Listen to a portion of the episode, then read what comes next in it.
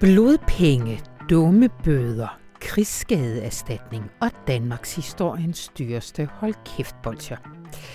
De er allerede blevet kaldt lidt af værd de 18,8 milliarder kroner, eller hvad der svarer til op mod 13 millioner kroner per bedrift, som der i denne uge blev besluttet at udbetale i kompensation til minkavlerne. Og selvfølgelig er der en masse jure i det her med erstatningerne, fordi de bygger over på grundlovens paragraf 73 om ekspropriation og på bestemmelserne om tvangsafgivelse af ejendomsret. Så der skulle jo til lommerne. Men at der blev gravet helt ned i bunden af lommerne, handler om noget andet, siger vores politiske kommentator Lars Trier Mogensen. Aftalen er, når alt kommer til alt, formet af politik. Venstre og Socialdemokratiet har begge haft deres oplagte grunde begge faktisk relateret til en af radioinformations favoritemner, nemlig Inger Støjberg. Men hvorfor i himlens navn er de radikale og SF gået med? Jeg taler med Lars Trier Mogensen lige om lidt. Velkommen til Radioinformation. Mit navn det er Anna von Sperling. Og jeg har, jamen det vil jeg gerne indrømme, gennem mit liv brugt ikke så lidt tid på at se reality-tv. Fordi det siger enormt meget om samfundet. Øh, men primært bare fordi. Og en af dem, som jeg foran skærmen har stiftet bekendtskab med, er i dag nok den kendteste i Danmark for at være kendt, nemlig Fie Laversen.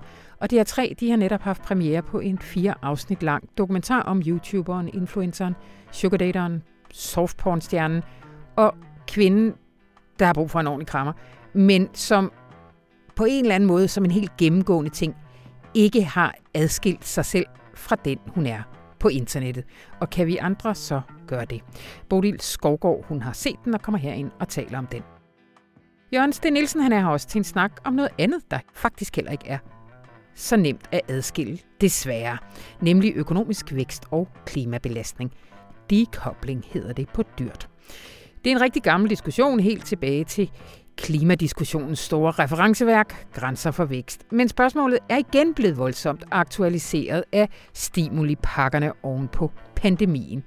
Fordi kan man sprøjte penge ud over en nødstedt planet, uden at det fører til, at vi slider endnu mere på den. Og vi bliver lidt ved klimaet, fordi Rune Lykkeberg han kommer forbi med en optur over Joe Biden. Ja, vi har haft et par stykker, men I får altså lige en til. Fordi første uge in office tyder faktisk på, at vi har en mand her, der gerne vil tage opgaven på sig at være verdens klimaleder. Hvis det samtidig kan sikre nogle amerikanske jobs. Rigtig hjertelig velkommen til.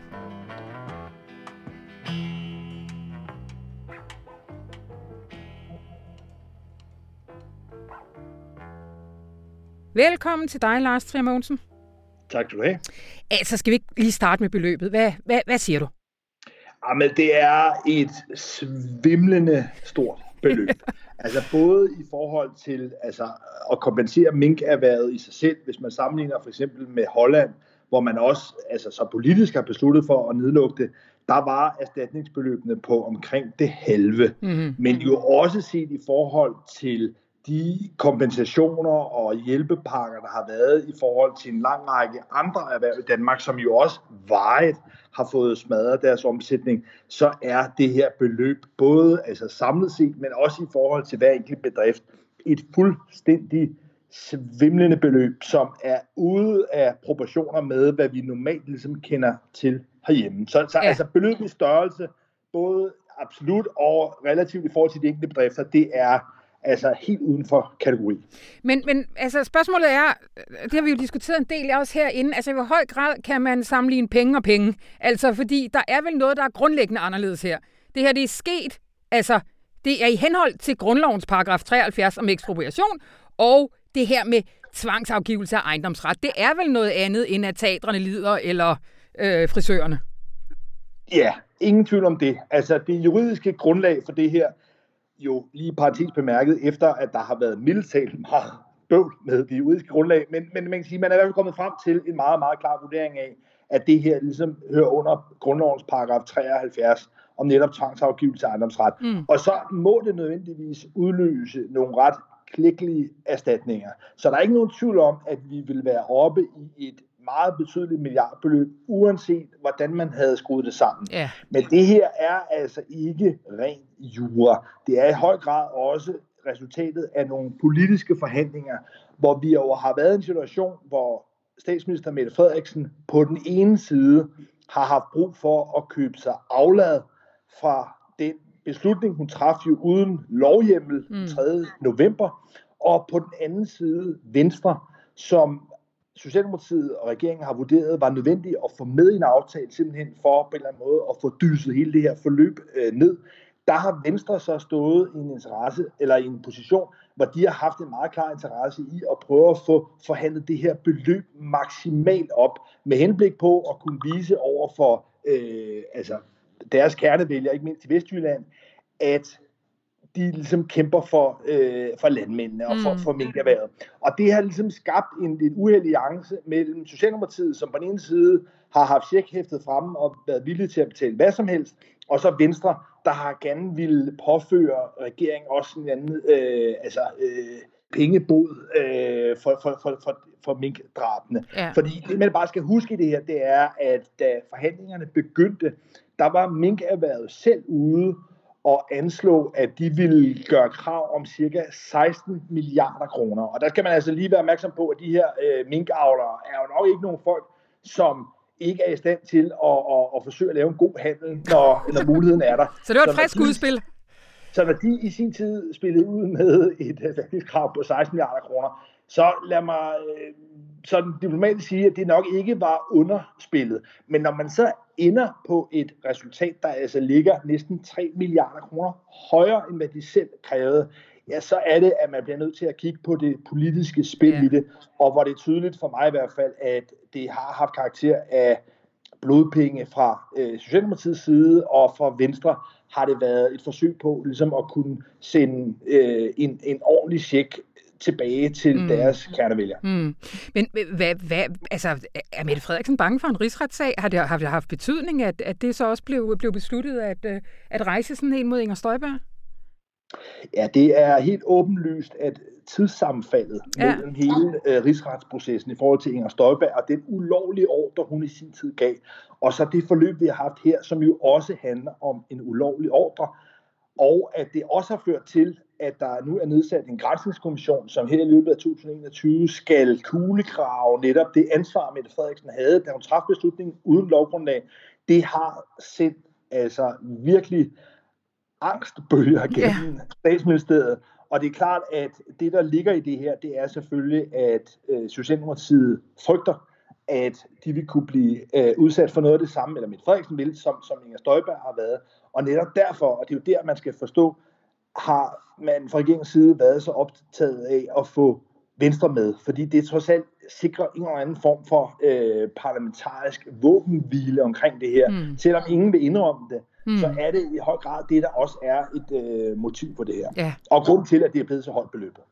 Og, og hvad betyder det, øh, hvad skal man sige, at, øh, at, at Venstre lige nu er i, er i, hvad man kan må man sige, er noget af en krise? Jamen, det er klart, det har øh, hævet prisen, fordi øh, Jakob Ellemann Jensen, der er meget, meget hårdt presset på de indre linjer i meningsmålingerne, står Venstre til at blive halveret i forhold til valgresultatet i 2019.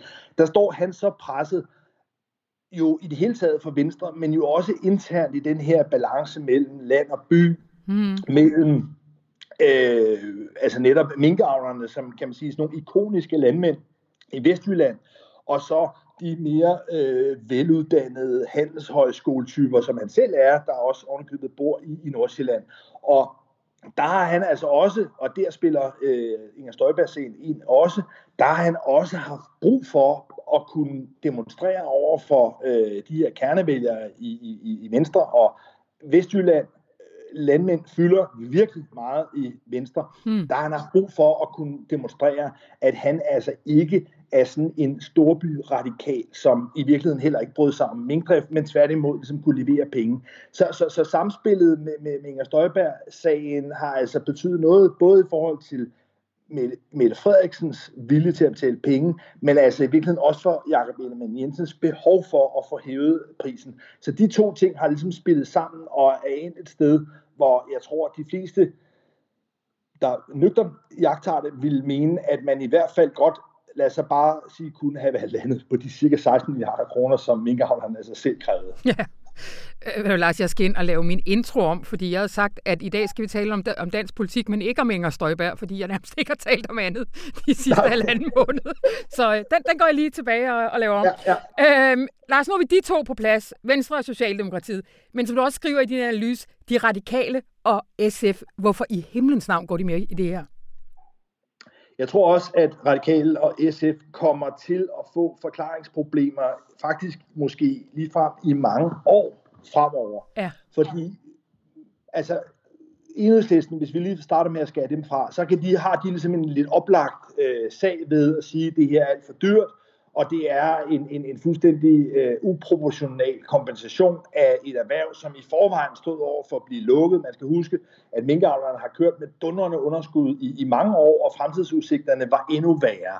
Så det er ligesom helt usagligt at, øh, at, at kompensere for mange penge. Det er ligesom enhedslistens klare position, og det er et oplagt øh, gådefuldt spørgsmål, hvad det er, der gør, at SF og radikale. Og her tror jeg altså, man skal tænke også i nogle sådan lidt parlamentariske dynamikker, forstået på den måde, at SF og Pia Olsen Dyr har bestræbt sig på at fremstå meget lojal. De er sådan lidt spøgefuldt blevet kaldt for hjælpesocialisterne. altså SF har kun i et enkelt tilfælde altså undladt at øh, stemme for, hvad Mette Frederiksen og regeringen kommer med. Og radikale, ja, de er jo også på en eller anden måde i, i, i lidt sådan en, en brydningstid, hvor øh, den nye leder, Sofie Carsten Nielsen, jo også har signaleret en større velvillighed over for regeringen og samarbejdsvilje. Og der er ikke nogen tvivl om, at for Mette Frederiksen, der virkelig betoner og vægter loyalitet ja. meget, meget højt, der er det noget, der bliver noteret, om man er med også til at redde hende og regeringen ud af de øh, værste møgsager, som det her vidderligt er eller om man som enhedslisten ligesom øh, forsøger at, at indkassere nogle billige point i den brede offentlighed ved ligesom at stå udenfor og ikke ligesom at tage ansvar. Så der er ikke tvivl om, at, øh, at det giver nogle point i det store magtspil på Christiansborg at være med i det her. Og der tror jeg, at kalkylen for Radikale og SF er, at de ligesom kan indkassere den gevinst senere i andre forhandlinger, fordi man nu ligesom har vist loyalitet. Men der er selvfølgelig også nogle mere substantielle argumenter. Jeg tror, SF'erne peger selv på, at man i virkeligheden har fået skruet en aftale sammen nu, der er så lukrativ for minkavlerne, at man de facto vil lukke erhvervet. Og det er jo også den kritik, man hørt fra ja. borgerlig side, det er, at man ligesom har bestikker i virkeligheden nu minkerværet til ligesom at lukke ned, mm. så vi fremover måske kun får nogle små hobby-minkbedrifter. Øh, mm. Og det er klart, at der kan SF jo med en vis ret måske argumentere for, at de nu ligesom så har betalt sig til, at vi ikke længere får øh, minkdrift, som jo både øh, er en enorm miljøbelastning, men som jo også har nogle store udfordringer i forhold til dyrevelfærd. Ja. Så det tror jeg er et af de argumenter. Jeg tvivler nu bare på, at det vil lykkes for, for, for SF måske helt at brænde igennem med det. Men altså, der hvor, hvor SF og Radikal ligesom øh, må se en logik i det, det er, at de i videre forhandlinger om, om det så er uddannelse, eller daginstitutioner, eller ikke mindst en grøn omstilling, at de der så ligesom kan, kan, kan, kan få betalt af på den goodwill-konto, de nu har fået sparet op på. Jamen for det her med at lukke erhvervet, altså det står jo ikke i nogen af de her papirer. Det, det er i så fald en, en mundtlig aftale, eller hvad? Altså hvor?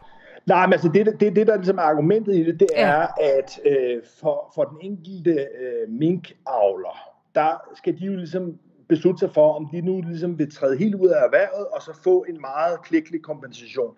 Eller om de vil forsøge at udnytte den her dvale-model, som også er lagt ind, og have mulighed for at starte op senere. Men vælger de det sidste, altså dvale-modellen, ja, så kan de slet ikke øh, indkassere så mange millioner. Ej. Og der er det altså, at minkavlernes øh, forening selv og mange andre også har vurderet, at, øh, at det er så lukrativt at vælge at lukke helt, at stort set alle nok vil ende med at gøre det. Og på den måde kan man sige, at hvis det ligesom er, at alle dem, der øh, har forstand på, på minkdrift og har faciliteterne til det, hvis de alle sammen lukker ned og, og får deres altså, buer fjernet osv., hmm. så er der jo i praksis ikke længere nogen, øh, noget minkopdræt i Danmark. Og på den måde vil det de facto øh, blive lukket ned. Det er i hvert fald, kan man sige, en, en, øh, en effekt af, at prisen er blevet så høj, og det er det, som, som SF og også nogle radikale vil argumentere for, at det er i virkeligheden så det, de får for de ekstra milliarder, ja. det er, at de har øh, forhindret, at det øh, kan, kan løbes i gang senere. Ja. Lige her til allersidst, lad os lige vende lidt tilbage til Socialdemokraterne, fordi jeg kan ikke lade være med at tænke, altså kan det her ikke komme til at koste øh, rigtig ondt øh, i, i relation til vælgerne? Altså nu så jeg i dag i Ekstrabladet en historie om en kinesisk forretningsmand, som havde kørt med dunderne underskud på hans minkeeventyr i Danmark, og nu kan tage, hvad ved jeg, 12 millioner eller sådan noget med til hans øh, selskab på Cayman Islands. Altså, sådan nogle historier må da gøre naller. Ja, altså det, det, det kan jeg sagtens øh, følge, og det tror jeg også kan blive en, en, øh, en, en klar en effekt af det her, fordi at når man kigger ned i, i minkerværet, så kan man både netop konstatere, at mange af de største sådan, koncernbedrifter, altså de øh, firmaer, som har haft mange forskellige minkfarme, ja, de har i høj grad været ejet af kinesere. Jeg tror jeg dog ikke lige frem for Wuhan, men, men, men, men dog af, af kinesere.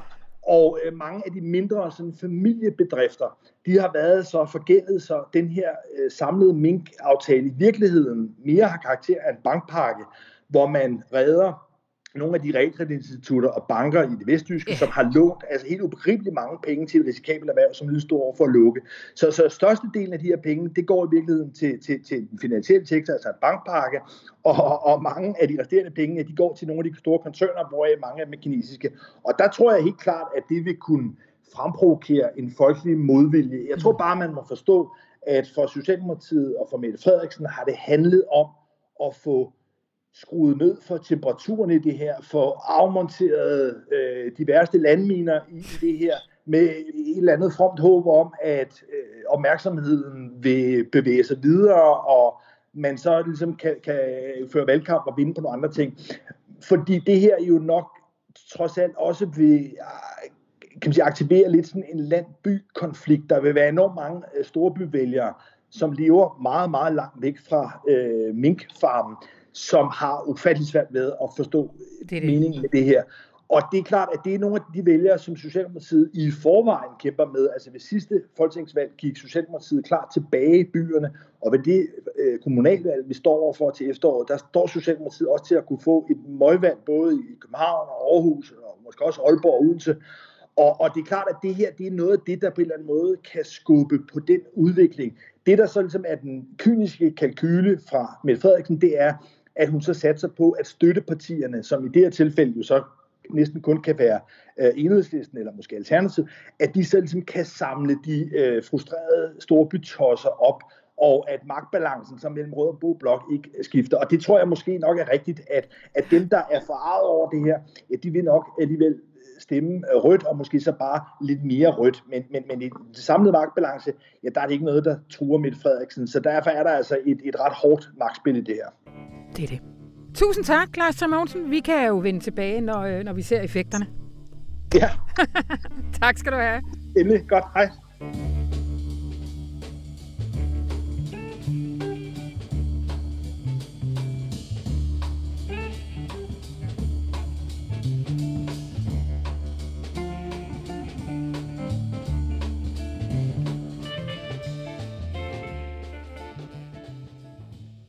Alle skriver bare, det er så dejligt at føle, at du er så glad, og det går så godt. Mm. Men de aner bare ikke skid.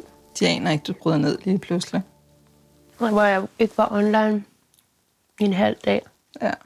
Og folk sådan, er hun okay? Nej, det var der, hvor jeg lige havde fået flip.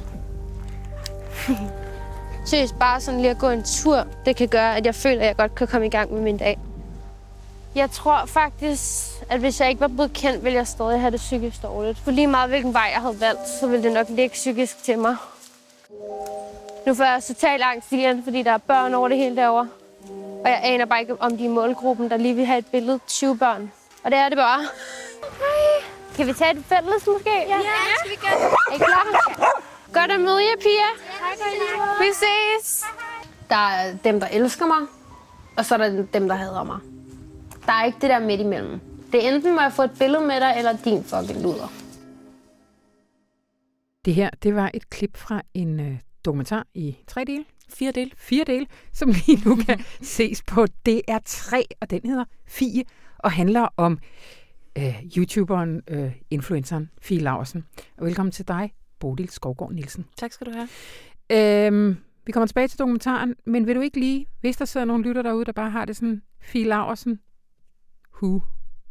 Ja, det kan jeg også godt forstå, fordi at øh, hun er en af de der personer, som øh, fylder rigtig meget i sladdermedierne og i sådan overskrifter, som vi også kender fra USA, altså sådan en som Kim Kardashian, som man, man ynder at sige, at hun er kendt for at være kendt. Mm. Eller sådan Paris Hilton måske. Øhm, og sådan nogle typer tror jeg altid, der har eksisteret måske lidt i Hollywood og i medier, sådan nogle society-typer. Mm. Men øhm, Fie Laursen, hun er altså nok Danmarks mest kendte for at være kendt Ja. i nutiden. Og absolut jo ikke en society-type. Nej. Altså Paris Hilton var datter af ejeren Ja. af Hilton Hotellerne, deraf Ja. navnet og sådan, Ja. men, men Fie Men Laursen, Fie hvor- Laursen, hun øh, kommer fra Hillerød eller Jespris, tror jeg, og øh, fra sådan en fuldstændig gedin middelklasseagtig baggrund, tror jeg. Og hun bliver kendt som 12-årig, fordi hun øh, deltager i først aftenshowet, og så i God Aften Danmark, og fortæller om, hvordan hun er blevet mobbet på internettet. Ja. Og på det her tidspunkt, der er YouTube ved at blive rigtig stor. og Det er, et, det er sådan et tidspunkt, hvor der er mange, der begynder at blogge, altså at skrive sådan meget egentlig øh, personlige og ikke nødvendigvis særlig velformulerede indlæg på sådan en, en side på nettet, som bare handler om, hvad har de gjort øh, den her dag, hvad spiser de til morgenmad, øh, hvad tænker de, sådan ufiltreret øh, direkte adgang til nogens øh, indre. Mm. Og Fie Laursen gør det her så også allerede i en ung alder, og har sådan en historie med at ja, dels at være blevet mobbet enormt meget, skiftet skole flere gange og sådan noget. Øhm, men altså også sådan en meget øh, udadvendt ung pige, Mhm. mm. der så øh, ligesom deler ud af sig selv, også ret gavmildt egentlig på internettet med, med det ene og det andet, med jeg har haft en dårlig dag, eller er helt op at køre, alt sådan noget. Mm. Mm. Og øhm, jeg kan i hvert fald selv huske at se det her første klip med hende fra aftenshowet fra 2012, hvor hun har, øh, hun har sådan noget langt øh, sort øh, farvet hår, og det er sådan, er tydeligvis sådan, øh, tierne mod glattet rigtig meget med et glattejern, og, øh, og sådan, sådan lidt, øh, sidder lidt, lidt sådan stift omkring hendes hoved. Og øh, jeg tror, det er Louise Wolf, der sådan meget indfødende spørger den her unge pige, hvordan det er at blive mobbet på nettet. Man begynder også på det her tidspunkt at snakke om, at der er nogle unge mennesker, der begynder ja, øh, at, at udøve selvskade og begå selvmord også i udlandet sådan efter mobning på internettet. Og Fie Larsen er sådan, så et eksempel på det her, der, der bliver inviteret ind. Og hun sidder altså her og græder. Øh, for åben skærm. Jo sådan halvt øh, en anonym person for den almindelige sådan, tv-serie, men allerede sådan halvt et, øh, et fænomen på internettet. Ja. Øhm, Og allerede der, så er der mange, der kaster sig over hende, beskylder ja. Ja. hende for at lukrere på en eller anden måde på den her sørgelige historie, og ja, på en eller anden måde ikke helt kan...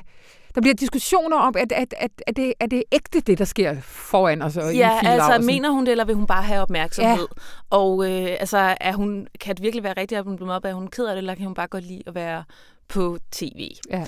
Og øh, min, min bedste vurdering er jo øh, nok øh, 50-50. Ja. Øh, hun er helt tydeligvis har været udsat for nogle forfærdelige ting og er blevet drillet rigtig grimt. Øh, altså mobbet. Mm. Mm, men jo mere man følger hende, fordi det er jo så ikke sidste gang, vi ser noget til Fie Nej, Laursen. fordi man kan jo egentlig sige fast forward til, hvor- hvornår det er så sidste år, for i år, at hun lægger sit selvmordsbrev ud Det er 2019. Det er 2019, 2019, og det er sådan noget sensommeren 2019, hvis jeg ikke husker meget galt. Der, øh, hun er, bliver så en større sørgekanon på skiftende sociale medier. De skifter jo lidt. Så går man fra blogs til Snapchat og til Instagram, og nu er det nye store TikTok. på. Mm. Øhm, men alle de her sociale medier, Og, og, og vej forbi alle de store reality-koncepter alle på, de også på, de store reality-koncepter. på fjernsynet, ikke? Ja. Jo, øh, Paradise Hotel, X on the Beach, øh, Diva i junglen. Diva i junglen, ja. Vidunderligt øh, koncept i øvrigt. Og altså diverse andre sådan øh, reality awards, som er sådan en årlig tilbagevendende øh, reality-branchens tv-fest, er Fie Laursen altid sådan et hovedindslag, der, der tærer sig på en eller anden Mm. måde, eller skal brække sig, eller snæver med en ny, eller sådan et eller andet. Ja. Og så er hun også, altså, der er jo mange af sådan nogle... Øh, øh, sådan, der lever nogle lidt udsvævende liv i nogle reality-formater og sådan noget. Men det, der er med Fie Laursen, er, at hun sådan excellerer i at, at, at øh, være meget direkte, og så sådan have et sjovt sprogbrug. Øhm, altså, hun, der er sådan en anden kendis, som hedder sådan Amalie for Paradise, der altid øh, brugt ordsprog helt forkert. Hun sagde sådan noget med, at øh, du er klædt på som en russisk roulette, og det, det kan man jo ikke være. Men sådan, Fie Laursen har blandt andet udgivet en bog, der hedder Min Ærlighed, som altså er sådan en vidunderlig øh, sådan, øh, nyt ord. Og, og sådan indkapsler på en eller anden måde sådan... Øh, hun forsøger at være ærlig, og så har hun sådan en afsløring i den der bog, som hvis nok er et eller andet med, at hun mangler en negl på en tog. Mm. Alt ved hende sådan fascinerer og kan blive gjort til sådan en mærkelig historie og er sådan mærkeligt ophøjet. Ja. Og hun gør hele tiden noget, der er vildere end det forrige. Ja, og det vildeste øh, jo indtil videre er at lægge sit selvmordsbrev på, Ja, øh, ja på Instagram. øh, det var nemlig der, vi fra. kom fra. Ja. Hun, øh, hun har det jo også løbende med, at hun fester skidt. Og så lægger hun sit selvmordsbrev øh, ud på Instagram, øhm, og bliver så bliver, bliver fundet på en, en havn, hvis nok, og, øh, og indlagt og så videre. Men øhm, det her selvmordsbrev ligger der vist nok i ret lang tid mm. efter.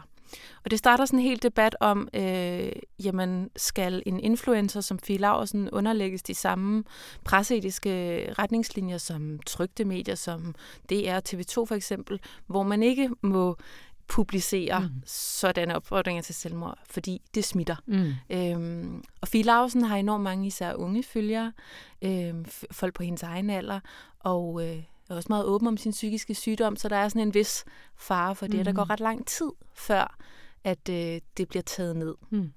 Øhm, Men det var heller ikke nødvendigvis omsorg, der, der mødte hende øh, efter... Øh, Nej, efter det er jo også det der er, er lidt kaotisk ved det. Så går øh, med børne- og ungeminister Pernille rosenkrantz teil ind i det og siger, at det influencerne skal underlægge sammen. Mm. Så det kan måske sige fint nok på et politisk plan, men det er, mm. også, øh, det er også noget sådan... Ja, okay, men kvinden har også lige øh, forsøgt selvmord. Skal hun have en bødestraf nu, eller Ja. hvad? Og igen bliver det sådan en, øh, en sag om, at lave hun bare det her op, fordi hun gerne vil have Ja. opmærksomhed. Ja. I hvert fald, hvis man kigger i kommentarsporene. Ja, det var det.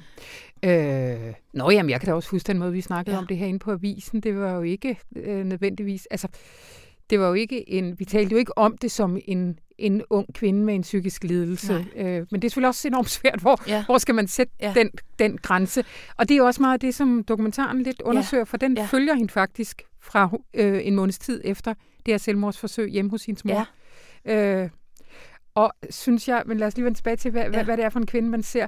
Men der er noget paradoxalt i, på et tidspunkt, der er en scene, hvor at der er nogen, der kommer og interviewer hende, og så siger hun bagefter, Py, jeg er helt lettet over, at de er gået nu. Men så har man sådan, men der er jo stadigvæk et kamera, der kigger Ja. på dig. Ja. Altså, det, altså, hun er fuldstændig vant til at være på Ja. konstant.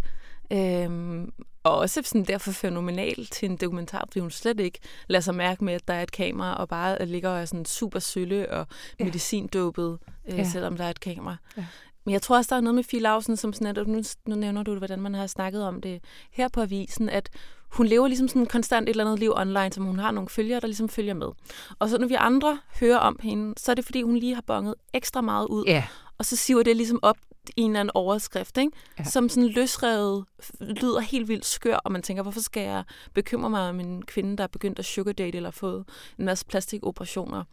Men det er sådan en, altså, det foregår ligesom hele tiden i en Ja. eller anden, og så, og så er det er det bare ekstra godt klikmateriale, lige når, man, øh, når det så siver ud og bliver lidt ekstra ekstremt. Ja. Lidt ekstra ekstremt. Ja. ikke? fordi nu nævner du selv det sidste, seneste øh, hvad skal man sige, store diskussion, som ja. Også kom op på politisk plan for Fie Laursen. Ja. Det er der jo faktisk en del, der gør. Ja, Det- Jamen, det er nemlig det, der er ret vildt. Det er også Ja. ja. derfor, jeg tror, hun er værd at interessere sig for. Ja. Fordi alle de ting, vi diskuterer om, øh, om, om ligestilling, om, om sugar dating for eksempel, altså er sexarbejde ikke egentlig en kvindes... Øh, må man ikke gøre, hvad man vil, Ja. ja. man vil med sin krop? Hvem har ret til at bestemme, om man må lægge noget ud på internettet? Altså nu så vi en helt anden kontekst i USA for, øh, for nylig, hvordan vi diskuterede, hvor meget, man, øh, hvor meget Twitter skal regulere, ikke? Meget den samtale på et helt andet plan, den foregår også med Fie Laursen. Hvor Ja. meget skal hun have, have? Hvem skal ligesom bestemme, hvad hun må lægge Ja. ud eller ej? Og For du hun- skal lige sige, ja, Bodil, Ja, undskyld. Jamen, du, du hopper til men det- analysen, ja. men, men du skal lige sige, hvad, hvad er det, der sker øh, Ja. her øh, for, ja, hvad det er så et halvt års tid siden, ikke? Øh, jo, øh, tænker du på, da hun begynder at reklamere for porno? Øh, sugar dating. Ja, nå, Ja. ja. der, er flere, der er flere ting. Ja. ja, men for det første, fordi hun reklamerer for sugar dating, og det er jo det her, som vi også kender fra nogle andre øh, dokumentarer, hvor typisk unge, smukke kvinder øh, går på ud og spiser dyre middage og får tasker af ofte lidt ældre og meget velhavende mænd, deres sugar daddies, som som de så får ja, tasker og middag og hotelophold øh, og nogle gange penge for. Mhm. Øhm, og de sætter ikke Og middag, det er så den Ja. pæne version Ja, af det. ja. ja. og hvad, hvad der så ellers Ja. ja. sker. Ikke? Altså, Ja. ja. det, nogen siger, at du behøver jo ikke gå i seng med dem, andre tænker, at det der er en helt selvfølgelig del af det arrangement.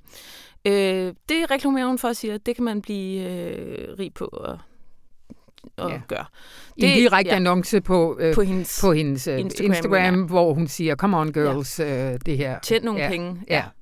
Det, altså, det er en ting. Øhm, det er faktisk i 2019, tror Okay. jeg. I 2020, så går hun lige steppet videre og øh, ikke reklamerer bare for sugar dating, men for at øh, man skal oprette en profil på det, der hedder OnlyFans, som er sådan en amatørpornoside, Mm. hvor man kan sælge øh, nøgenvideoer og billeder af sig selv. Og siger også, tjener der penge på det her? Mm.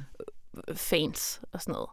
Øh, og indimellem det, det er jo to ting, der er blevet taget op politisk, hvad må Ja. influencer reklamere for, og indimellem det, når hun også reklamerer for øh, at få plastikkirurgi, og når udlået sådan en øh, plastikoperation sådan, som en konkurrence til sin, blandt sine følgere. Og har et kort øh, øh, intermezzo i Norge, hvor hun faktisk ender med ikke at kunne blive, fordi de vil...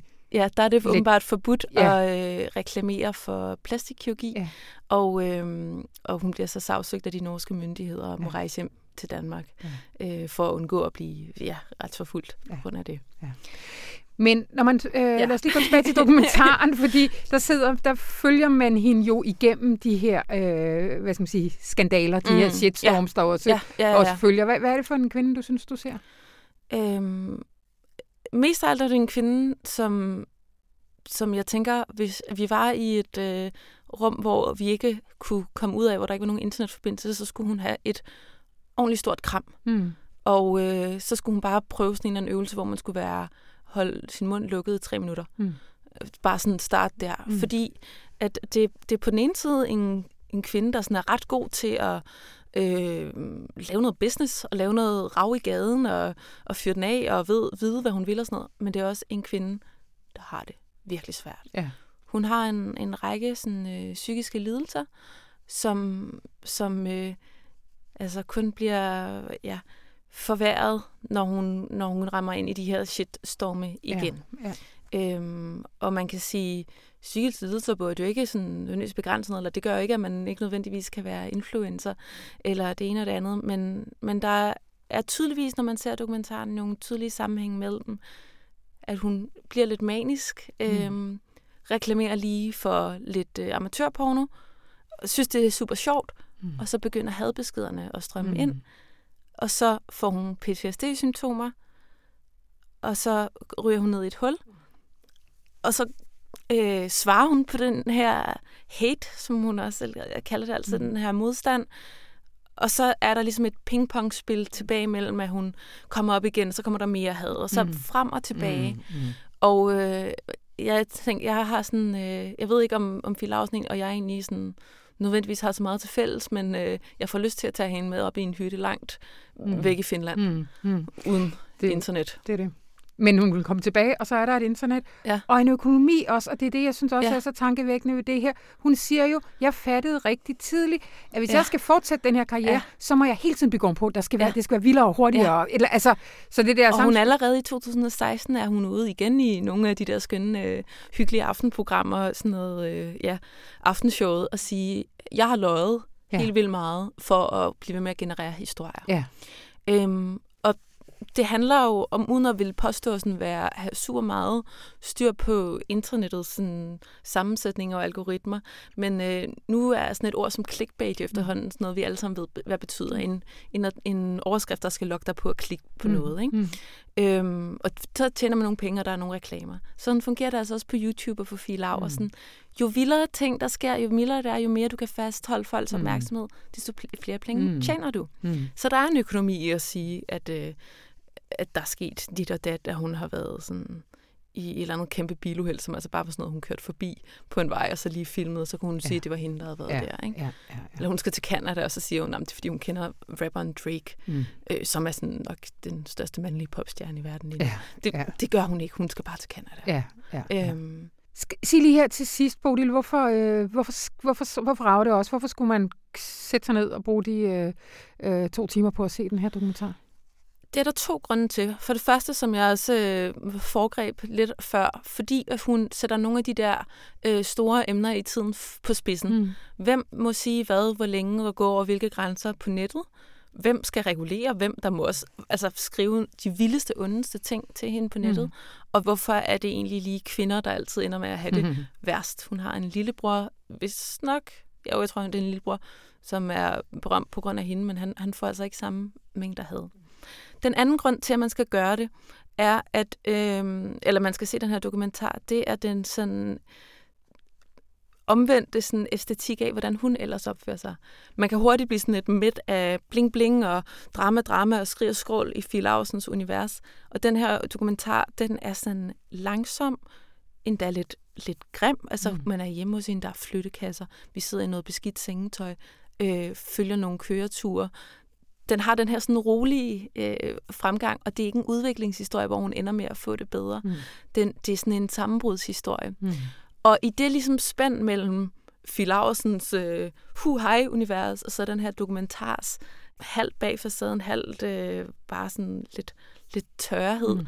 der, der bliver man altså også sådan, der bliver man også bare nødt til selv at tænke over nogle af de der ting, der sker på det der internet. Hvad ja. det er for nogle dramaer, man selv elsker at mm. sidde og, og æde lidt, når man er ja. på et eller andet socialt medie. Og så må vi jo så øh, lade det være op til hver især, om vi også sidder når der nu står DR3, og igen tager en lille bid af Fie Laversen, ja. som vi egentlig måske skulle holde os for gode til ja. at tage af. Det, øh, ja. det kunne jeg mærke var sådan en konflikt i mig selv. Ja, det var også en konflikt i mig. Sådan, uha, hvad er det der, ikke? Ja. Og så samtidig lyst til at give sig selv et rap over nælderne. Ja.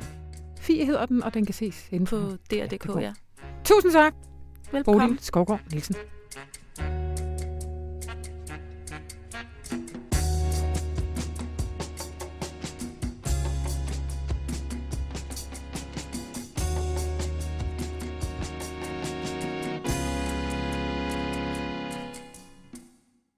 Hej, Rune. Hej, Anna. Har du en optur til os? Det har jeg da.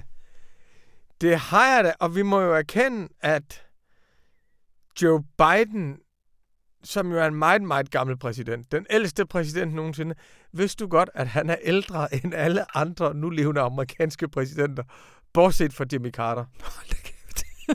ja. Vi må erkende, at han har jo slået et kæmpestort brød op. Og i den her uge, onsdag i den her uge, der var det officielt klimadag i det hvide hus. Mm-hmm. Og han fyrede simpelthen om sig med executive action. Altså ting, han kan gøre udenom kongressen i et fuldstændig overvældende omfang. Lige fra, at han lovede millioner af jobs, til at han lovede, at øh, staten vil købe elbiler. Øh, staten og staterne skal købe elbiler, til han lovede infrastruktur, til han lovede at, at øh, frede en masse land, til at han lovede at inddrage det i klima i al sikkerhedspolitik og al industripolitik og al beskæftigelsespolitik. Joe Biden er i den her uge trådt i karakter som den største klimaleder i verden. Altså den, der vil klima mest. Han har integreret det i amerikansk politik alle niveauer. Som du efterlyste i sidste uge, så Greta Thunberg kan komme på interrail. Præcis! Hvad hedder det? Og vores venner i The Sunrise Movement, som jo er et filial af information i Amerika, som jo er den progressive uh, Alexandria Ocasio-Cortez-agtige bevægelse i USA, de siger, alt hvad vi har krævet, er i denne her uge blevet realiseret af Joe Biden. Hold da kæft. Lederen af Conservation League i, i USA siger, at det er the biggest day for climate action in more than a decade. Og der skal nok komme alt mulig modstand og alt mulig øh, kamp, og der er alle mulige grunde til, at det kan gå galt og sådan noget.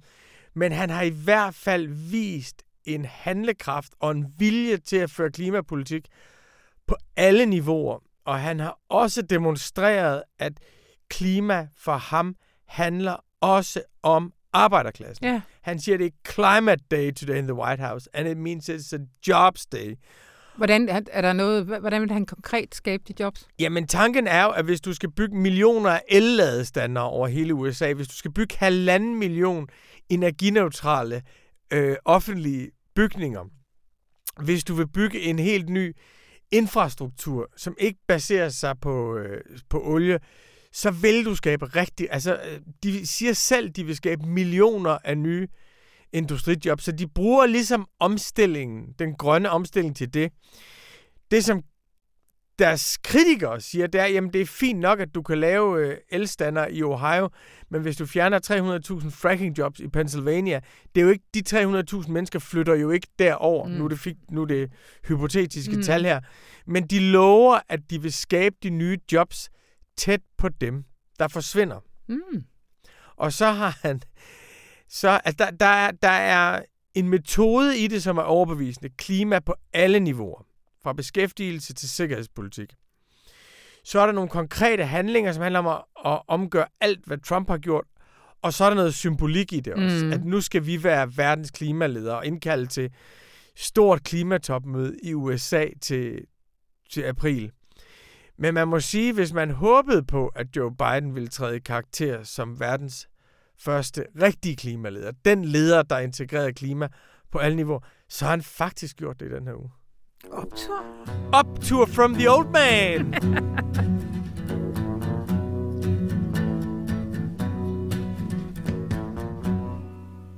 Hej Jørgen. Hej Anna. Jørgen, jeg har lige haft Rune i studiet til en snak om Joe Bidens første arbejdsuge. Øh, og du skulle have været igennem i sidste uge, fordi vi skulle jo øh, have talt om noget vildt, der skete lige med det samme, han kom ind på kontoret, nemlig at USA meldte sig ind i Paris-aftalen igen? Ja, det er jo øh, årets helt sikkert bedste nyhed, vil jeg sige. At den her supermagt, som, som jo er øh, en af de sådan, historisk set største klimasønder, øh, nu melder sig ind i det globale fællesskab og det globale projekt med at begrænse drivhusgasudledninger. Så det, det er simpelthen en fantastisk god nyhed. Men kan du ikke lige, vi skal jo tale om noget andet i dag, men, men kan du ikke lige sige, hvad, hvad betyder det? Hvad betyder det helt konkret, at de er med igen? Det betyder jo, at altså nu er corona kommet oveni, men, men hele processen har været underdrejet af, at den her store spiller har stået ligesom og, og vrisset i kulissen og ikke ville være med. Ikke? Mm. Nu, nu er den nye situation, at de tre vigtigste aktører i hele den her globale klimadebat, USA, EU og Kina, alle sammen er med og har, hvad skal vi sige, øh, betydelige ambitioner og vilje til, at vi skal videre. Øh, og, og når de tre går i takt, så, så, så går verden med, er jeg sikker på. Ikke? Så jeg har store forhåbninger til det klimatopmøde, vi skal have i november i år. Ja, og det er alt sammen på sådan et politisk niveau. Ved siden af, så har vi økonomien, og du nævnte lige, at alt var jo blevet lidt mere vanskeligt af corona. Fordi mens USA og EU og andre lande, de pumper billioner af kroner ud for at sikre fortsat vækst her efter pandemien, så retter det europæiske miljøagentur nu en, en ret voldsom kritik af forestillingen om, at miljø og klima kan reddes i en økonomi, der bare bliver ved med at vokse. Og Jørgen, skal vi ikke lige øh, starte med at få, få lidt tal på, hvad, hvad er det for en størrelsesorden, vi taler om i de her stimuli-indsatser? Hvis man lægger alle øh, verdens landes hjælpepakker sammen, så er vi oppe på indtil nu, at der er afsat 73 billioner kroner, eller 73.000 milliarder kroner til at få økonomien i gang igen og hjælpe dem, der er uden job, og hjælpe virksomheder til at overleve og, og komme i gang. Ikke? Ja. Så det var altså en historisk øh, voldsom saltvandsindsprøjtning for at genopleve den økonomiske vækst, kan man sige. Og det ser ud til at virke. I hvert fald er der nogle, nogle nye prognoser fra Verdensbanken, som du beskriver i en artikel her fra sidste uge. Hvad, øh, hvad viser de? Jo, altså Verdensbanken forventer jo ligesom øh, OECD og den internationale valutafond, at, at vi kommer igennem den her coronakrise, og at vi derfor kan genåbne samfundene og indhente noget af det væksttab, vi har lidt. Og Verdensbankens øh, bud er, at vi, og det er sådan det nyeste, vi har fået, det er, at økonomien i år vil vokse med øh, 4% cirka. Ja. Og det, det er jo en ret høj vækstrate, selvfølgelig på baggrund af, at vi har haft minusvækst i en periode, men 4% årlig BNP-vækst globalt er, er meget. Ja. Men, og nu nævner du Verdensbanken, men altså, øh, kan nævne dem alle sammen, IMF, OECD, øh, EU, øh, den nye amerikanske præsident Biden og sådan noget, de siger jo hele tiden, ja, ja, vækst, men, men det bliver grønt. Altså, det er Green Deal og Green Recovery og alt det her. Er, er, det, ikke, er det ikke rigtigt? Det er i hvert fald godt, at de siger det, og det er godt, at der til en vis grad følger initiativer med, som understøtter, at genåbningen af økonomien skal være grøn. Altså i form af støtte til vedvarende energi og, og andre sådan grønne projekter. Men, men vi har jo også masser af dokumentation for, at at det er ikke konsekvent. Der, der gives masser af øh, hjælpepakker, som, som når den fossile industri, altså den sorte energi. Så, så det her med Green Deal, som man taler om, eller Green Recovery, mm. er et, et fromt ønske, men, men det er altså ikke noget, man helt endnu lever op til. Der, der er masser af støtte til den, den gamle økonomi, om man så må sige, i de hjælpepakker, som, som cirkulerer. Ja, altså, du refererer helt konkret, at i december eller sådan noget, der havde EU gjort det op, Miljøagentur, der var mere støtte til fossil energi end grøn energi, ikke? Jo, jo, og det, det svarer til andre opgørelser, ikke? At, at typisk så er der mere, der, der går til at altså fastholde den gamle, ikke bæredygtige type økonomi, end det, der går til at, at fremme den nye grønne øh, økonomi. Ja, ja.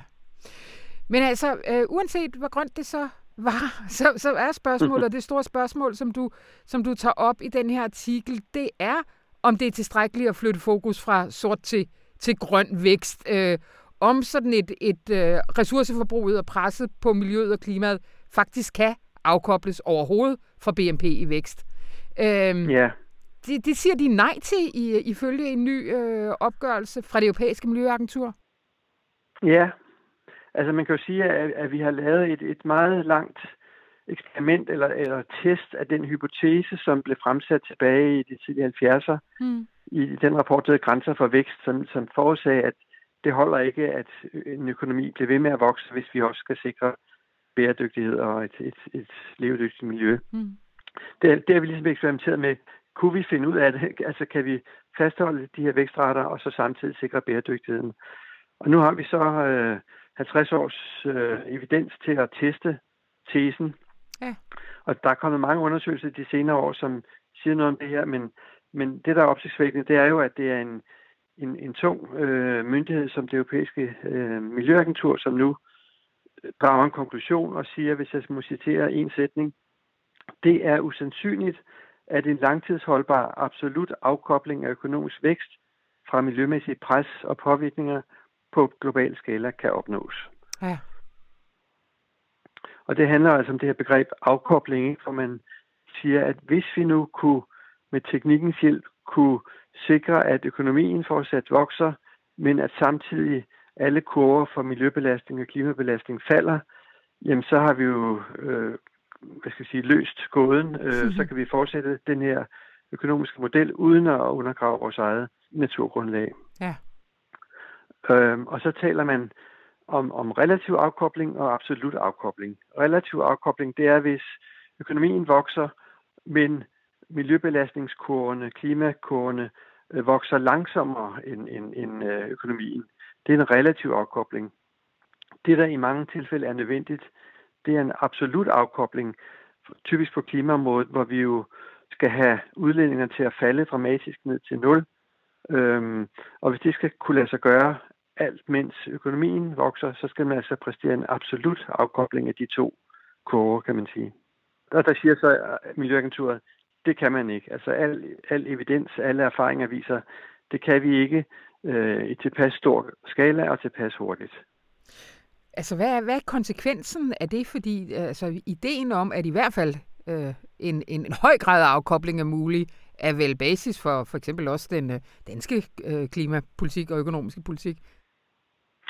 Ja, i høj grad. Det, det, er, det er jo helt centralt, at, at, øh, at øh, regeringen og andre med den jo håber på og tror på, at nye teknologier kan bane vej for, at vi kan leve op til vores klimamål og fastholde en, en vækst i vores økonomi. Ja. Det, det, det er jo den, den grundlæggende tese og traditionelle sådan, øh, forståelse af økonomi og, og miljø og sammenhæng mellem dem. Ja.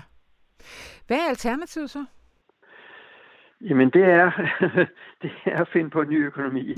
ja. øhm, hvis jeg igen må citere Miljøagenturet, en absolut reduktion i de miljømæssige pres og skadevirkninger vil kræve fundamentale transformationer til en anden type økonomi og samfund, frem for gradvise effektiviseringsgevinster i de bestående produktions- og forbrugssystemer. Hvad med vi øhm, oversæt? Ja, altså, øh, hvis vi skal leve op til vores klimamål og andre miljømæssige mål og forhindre, at, at miljøet bryder sammen om ørerne på os, så må vi stille om til en anden type økonomi og samfund. Mm. Det er ikke nok at bruge teknologien til at blive mere effektiv og lidt mere grønne. Ja. Bliver de mere konkrete om, hvad det så er for, et, for en type økonomi? Ja, de bliver lidt mere konkrete, men, men, men det er jo typisk sådan, at der er ikke så mange, der har sådan en, en øh, hvad skal vi sige, en forkromet plan, som man kan sætte sig ned og vedtage i et folketing eller i et Europaparlament og sige, nu indfører vi det nye økonomi. Og det er heller ikke sådan, at man kan sige, nu beslutter vi, at vækstraten de kommende årtier kun må være 1% eller 0%. Sådan foregår det jo ikke. Altså, det er hverken, hvad skal jeg sige, praktisk eller politisk realistisk at, at, at gøre det på den måde. Altså, i, i den her rapport fra Miljøinstituttet, der, der, der beskriver de den her historiske proces som The Great Acceleration, altså den måde, som alting er vokset hastigt på gennem det sidste århundrede. Og det, det frister til at drage en parallel til transportsektoren, hvor vi også oplever, at bilerne de kan accelerere og drøne derud af. Og vi ved jo godt, at biler kan køre mere end 200 km i timen, men vi har besluttet, at det gør vi ikke. Vi sætter en grænse på 110 på motorvej, eller hvad det nu er. Ja. Fordi vi ved, at hvis vi overskrider grænsen, så sker der altså ulykker bogstaveligt talt. Ja. Og, og det er jo fristen at sige, at vi skal gøre det samme med økonomien. Vi ved, at over nogle grænser, så bryder vores klima og vores miljø sammen. Mm. Det er bare ikke sådan, vi kan gøre det. Hver, hver gang vi, vi roder os ud i en diskussion om for eller imod en bestemt grad af vækst, jamen så, så lukker diskussionen, så, så, så bliver vi ligesom øh, meget polariseret og kan ikke høre, hvad hinanden siger. Og det, det, det, det er rigtig svært at diskutere det her, uden at det bliver ja. Betændt og religiøst. Ja. Du nævner selv i din artikel i udgangen den her donut-model for, øh, for en ny økonomi. Uh, vi har talt om den før et par gange, men kan du ikke, kan du ikke lige minde os om, hvad det er for en? Jo, altså jeg, jeg tror, vejen frem i den her diskussion, det er ikke at, at hissigt diskutere, må vi have økonomisk vækst eller ej, eller diskutere en bestemt vækstrate, men at sige, vi er sådan set ligeglade med BNP, det er ikke det, vi pejler efter. Nu definerer vi de øh, rammebetingelser, som vi ønsker os af det her samfund. Øhm, og hvis man taler den her donut-økonomi, jamen så er det både rammebetingelser omkring, hvor meget må vi belaste forskellige miljøparametre, klima, vand, øh, jorden osv. Men det er også sociale og velfærdsmæssige parametre. Øh, hvor meget velfærd vil vi, vil vi stræbe efter, hvor meget lighed, hvor meget uddannelse osv. Øh, og det er ligesom to cirkler med miljøets øh, udenom og de sociale kriterier indenfor, som danner den her øh, donut- eller vaniljekransøkonomi, eller hvad man vil kalde den. Så, så hvis man i stedet for at pejle efter en bestemt BNP-vækst, pejler efter en, en række kriterier for, hvordan vi får et godt samfund øh, i form af miljø og velfærd, øh, og så indretter økonomien på at leve op til det, ja, så må vi bagefter se på, hvilken BNP-vækst skal det så anledning til, men det er ikke det, der styrer os, det er ikke det, der er afgørende. Ja. Så det er en ny måde at tænke på og styre på. Øhm, Jørgen, har, har der været politiske reaktioner på, øh, på den her øh, rapport fra Miljøagenturet? Nej, det har det faktisk ikke. Jeg har, jeg har ikke set nogen. Altså, den, den er helt ny, ikke? Den er helt ny, og den kommer i en dramatisk tid, hvor der sker andre øh, det sige. begivenheder. Så, så, så det har jeg ikke øh, stødt på. Til gengæld så, så, så er der bevægelse omkring netop det her med donut-økonomi, fordi hvordan gør man så det i praksis? Det, det er jo også en voldsom opgave at, at indføre nogle helt nye styringsredskaber eller pejlemærker. Ikke? Og, og der, der er vi der, hvor Amsterdam i Holland har besluttet at omstille til at blive en donut-økonomi, altså ved indføre en, en hel masse rammebetingelser og indikatorer og pejlemærker, som byen fremover skal udvikles efter. Mm. Og, og vi er endnu så langt, at øh, Københavns Kommune har besluttet at undersøge, om, om også Danmarks hovedstad kan blive en donutøkonomi. Og, og man har fået på embedsmandsplan har man fået lavet sådan en, en handlingsplan til, hvordan man kan bevæge sig fremad, uden at man har taget nogen definitiv beslutning om det. Godt, Jørgen. Det bliver alt, hvad vi øh, når for denne gang, og øh, igen tillykke med USA i øh, Paris-aftalen. I lige måde da. ja. Jørgen Sten Nielsen, tak skal du have. Selv tak. Hej.